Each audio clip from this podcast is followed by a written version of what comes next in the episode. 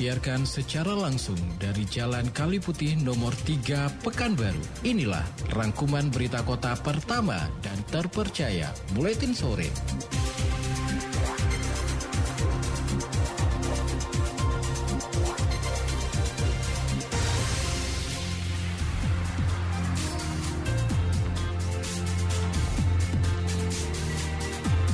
Mitra Kota inilah berita utama untuk hari ini.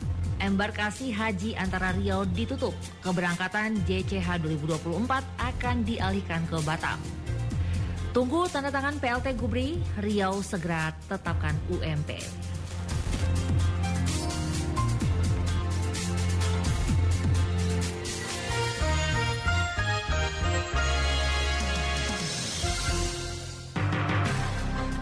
Berbagai peristiwa terjadi setiap menitnya. Dari segala sudut pandang yang berbeda. Tidak ada yang luput dari perhatian kami. baru akhirnya menemukan kasus tidak samanya jumlah pajak yang disetorkan oleh pajak. Semuanya kami rangkum untuk Anda tanpa basa-basi. Membawa kabar yang real dan terpercaya ke ruang dengar Anda tanpa ada yang ditutupi. Pemerintah Provinsi Riau berhasil menuntaskan defisit anggaran sebesar 1,9 Simak berita Kota Pekanbaru dalam Buletin Sore. Setiap Senin sampai Sabtu pukul 16.30 hanya di 975 Barabas FM. Kami percaya ada butuh yang pertama dan terpercaya. Itulah Buletin Sore. Selamat sore Mitra Kota, rangkaian informasi aktual yang terjadi hingga sore hari ini telah dirangkum oleh tim Buletin Sore.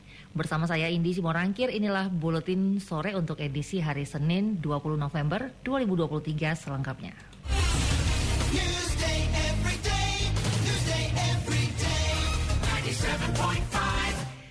Pemprov Riau bersama kantor Kementerian Agama atau Kemenak Riau Senin pagi menggelar rapat evaluasi pelaksanaan kegiatan embarkasi haji antara Riau tahun 2023 dan persiapan pelaksanaan ibadah haji 2024. Hasilnya embarkasi haji antara Riau ditutup dan keberangkatan jemaah calon haji dari Riau akan menggunakan embarkasi haji penuh di Batam, Kepulauan Riau.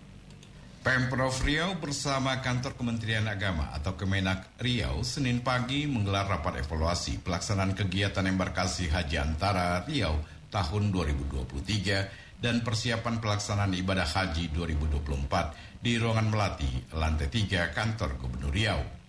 Hasilnya, embarkasi haji antara Riau ditutup dan keberangkatan jemaah calon haji dari Riau akan menggunakan embarkasi haji penuh di Batam, Kepulauan Riau.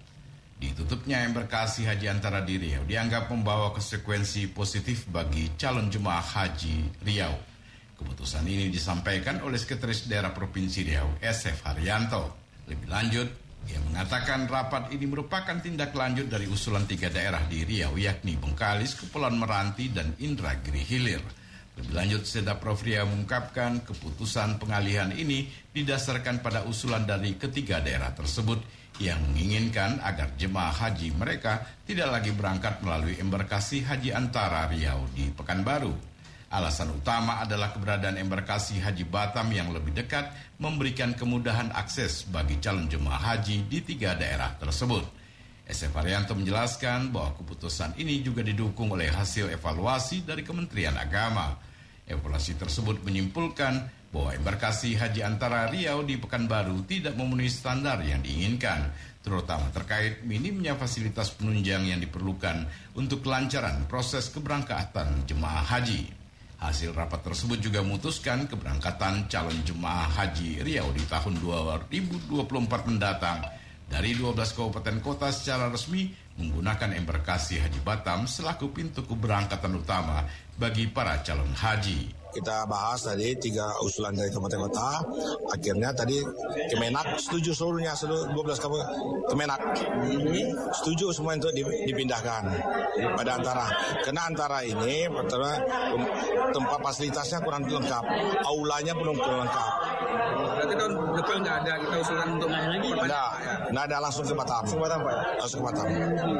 Berarti di daerah masing-masing mereka langsung ke Iya ke Batam, langsung ke Batam. Karena Meranti kan dekat ke Batam. Iya. Bengkalis dekat ke Batam. Nah, Tembilahan Batam. Ongkos dia yang selama ini kita tanggung dari Tembilahan ke sini ada ongkosnya kan? Nah itu kita tanggung. Ah, sekarang ongkos dipindahkan ke Batam. Jadi tidak ada apa. Jadi artinya di sini kan tidak menginap lagi dia, langsung berangkat. Pak berarti untuk embarkasi kita ada pengusulan embarkasi penuh nggak Pak? Jadi Ada yang penuh, ada embarkasi penuh, tapi kita kan artinya kan belum tan- tadi itu dibahas juga tanah. Tanah kita itu masalahnya tadi ada kita ibakan tanah ada 4 hektar. Itu masih ada sengketa yang di Lebersa. Nah itu mereka belum bisa melakukan embarkasi penuh. Jadi sekelas hotel bintang 3 lah. ya Nah, jadi kita yang betul-betul kalau se-Indonesia kita embarkasi antara kita yang terendah, yang belum layak. Nah, itulah ini. Prima Ermat, Tim Liputan Barabas melaporkan.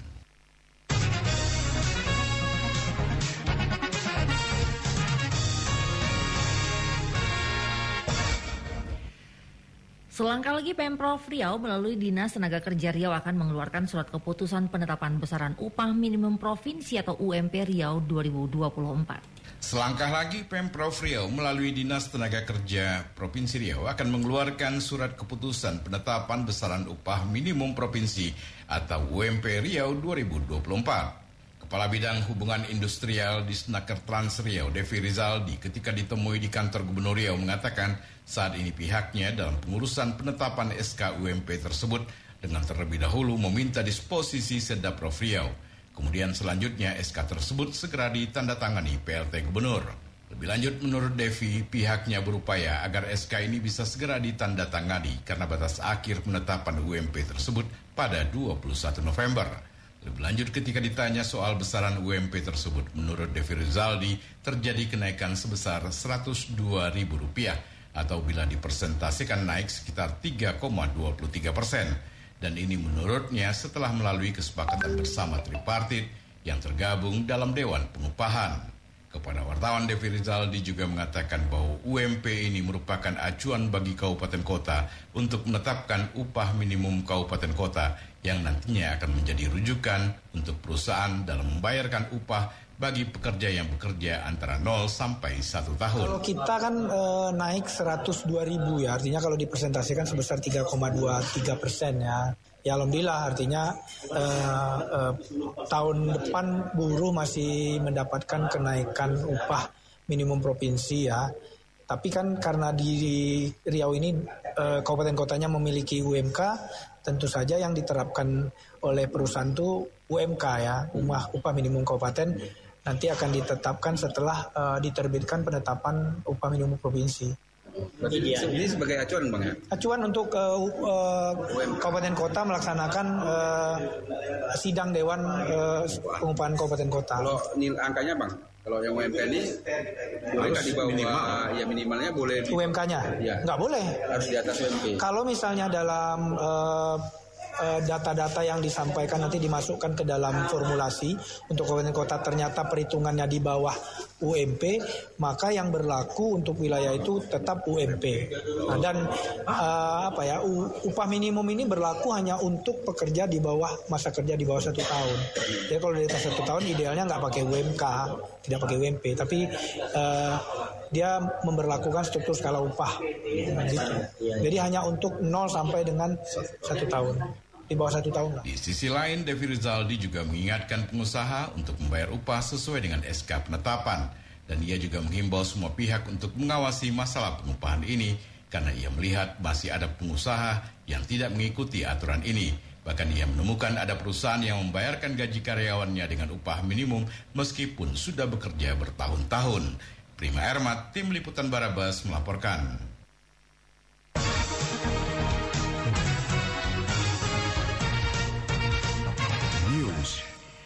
Informasi selanjutnya Mitra Kota Ketua Badan Pengawas Pemilihan Umum atau Bawaslu Provinsi Riau Al Nofrizal meminta aparatur sipil negara atau ASN menjaga netralitas selama jadwal pemilihan umum atau pemilu 2024. Ketua Badan Pengawas Pemilihan Umum atau Bawaslu Provinsi Riau Al Nofrizal meminta aparatur sipil negara atau ASN menjaga netralitasnya selama jadwal pemilihan umum 2024. Bahkan terhadap keluarga inti sekalipun, ASN diimbau tetap menjaga netralitasnya. Hal ini disampaikan Ketua Bawaslu Provinsi Riau Alno Prizal kepada wartawan di Pekanbaru. Alno Prizal mengatakan netralitas ASN harus dijaga bahkan pada media sosial. Jika keluarga inti ASN tersebut ada yang menjadi caleg, maka ASN dilarang foto bersama atau menyukai unggahan berbau kampanye di media sosial. Lebih lanjut, ia mengatakan bahwa netralitas ASN juga harus dijaga bahkan saat berfoto bersama. ASN tidak boleh membuat pose tangan yang menyeratkan nomor urut atau pose salah satu partai atau caleg. Ia mengingatkan bahwa seluruh Riau selalu akan membuka pengaduan bagi masyarakat apabila menemukan pelanggaran netralitas ASN. Aduan tersebut akan ditindaklanjuti dan ASN yang terbukti bersalah akan diproses ke KASN. Itu tadi kita berharap uh, ASN ini tetap netral, walaupun ada uh, keluarga intinya, entah itu istrinya, entah itu anaknya yang ikut mencaleg. Kan ada ada yang aktif, yang kita tidak benarnya itu adalah mereka ikut aktif.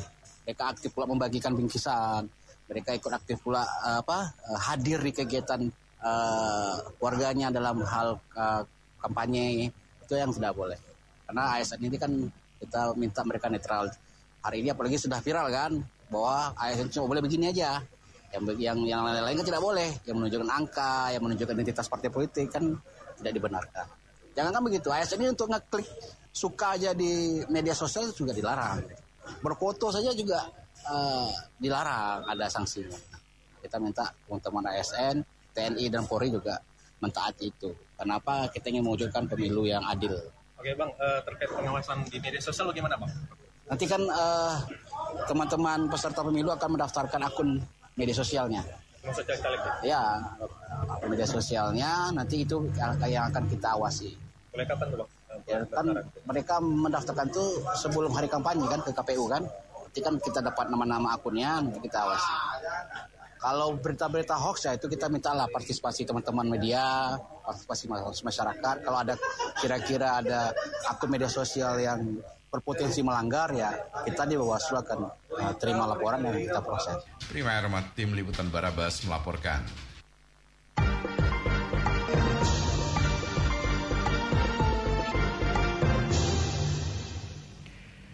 Mitra Kota silakan follow Facebook kami di Radio Barabas. Inilah berita terakhir Buletin Sore untuk hari ini.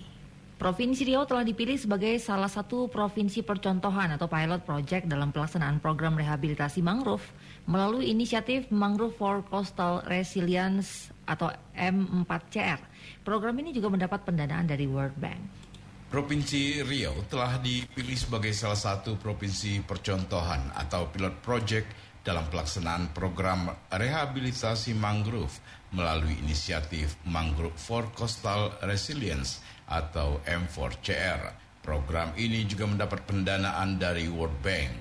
Kepala Dinas Kehutanan Provinsi Riau Makmun Murad kepada wartawan mengungkapkan bahwa program ini memiliki target ambisius untuk merehabilitasi lahan mangrove seluas 7.498 hektar Proyek ini tersebar di enam kabupaten kota di Riau menandai komitmen serius dalam menjaga keberlanjutan ekosistem pesisir di wilayah ini. Keempat daerah tersebut mencakup Kabupaten Rokan Hilir, Bengkalis, Kepulauan Meranti, Indragiri Hilir, Pelalawan, dan Dumai dengan luas masing-masing area rehabilitasi yang bervariasi. Oh, lokasinya itu Rokan Hilir. Rokan Hilir itu 674 hektar. Kemudian Bengkalis 1400 hektar. Nah, terus Kepulauan Meranti Kepulauan Meranti 385 hektar. Inhil 3660 hektar. 660 hektar. Pelalawan ada. 1309 309 Dumai 70 oh, 70 hektar. Ya lah tergantung yang bisa yang mau direhabilitasi. Kalau untuk pemberdayaan ekonominya Ya yang menanamnya masyarakat. Bibitnya kan dari masyarakat. Jadi sistemnya sistem swakelola pakai dengan Pokmas, kelompok masyarakat. Itulah pemberdayaan ekonominya. Di samping itu nanti ada juga pemeliharaannya.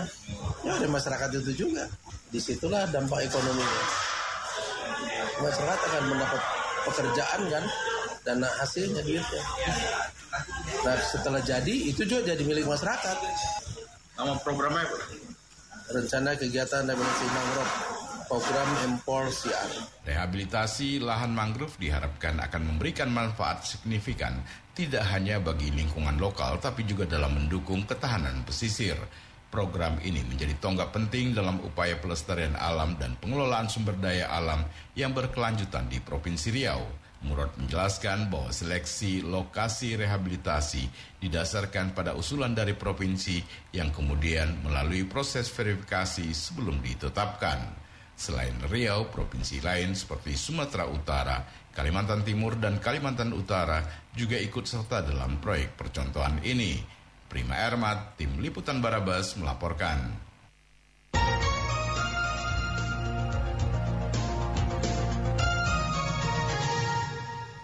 Mitra Kota, demikian rangkuman berita yang kami hadirkan dalam Buletin Sore untuk hari ini. Sampaikan kritik dan saran Anda ke redaksi Buletin Sore Radio Barabas 975 FM, Jalan Kaliputi nomor 3 Pekanbaru, telepon dan fax 42733. Saya Indi Simorangkir membaca berita, Joki Wiratno dan Desi Suryani penata naskah, Gega Isya Putra Produksi dan Prima Ermat Produser, serta seluruh tim Buletin Sore pamit. Terima kasih atas kebersamaannya, selamat sore, dan abadikan kami di hati Anda. Berbagai peristiwa terjadi setiap menitnya. Dari segala sudut pandang yang berbeda. Tidak ada yang luput dari perhatian kami. Pekanbaru akhirnya menemukan kasus tidak samanya jumlah pajak yang disetorkan oleh wajib pajak. Semuanya kami rangkum untuk Anda tanpa basa-basi. Membawa kabar yang real dan terpercaya ke ruang dengar Anda tanpa ada yang ditutupi. Pemerintah Provinsi Riau berhasil menuntaskan defisit anggaran sebesar 1,9 Simak berita Kota Pekanbaru dalam Buletin Sore. Setiap Senin sampai Sabtu pukul 16.30 hanya di 975 Barabas FM. Kami percaya ada butuh yang pertama dan terpercaya. Itulah Buletin Sore.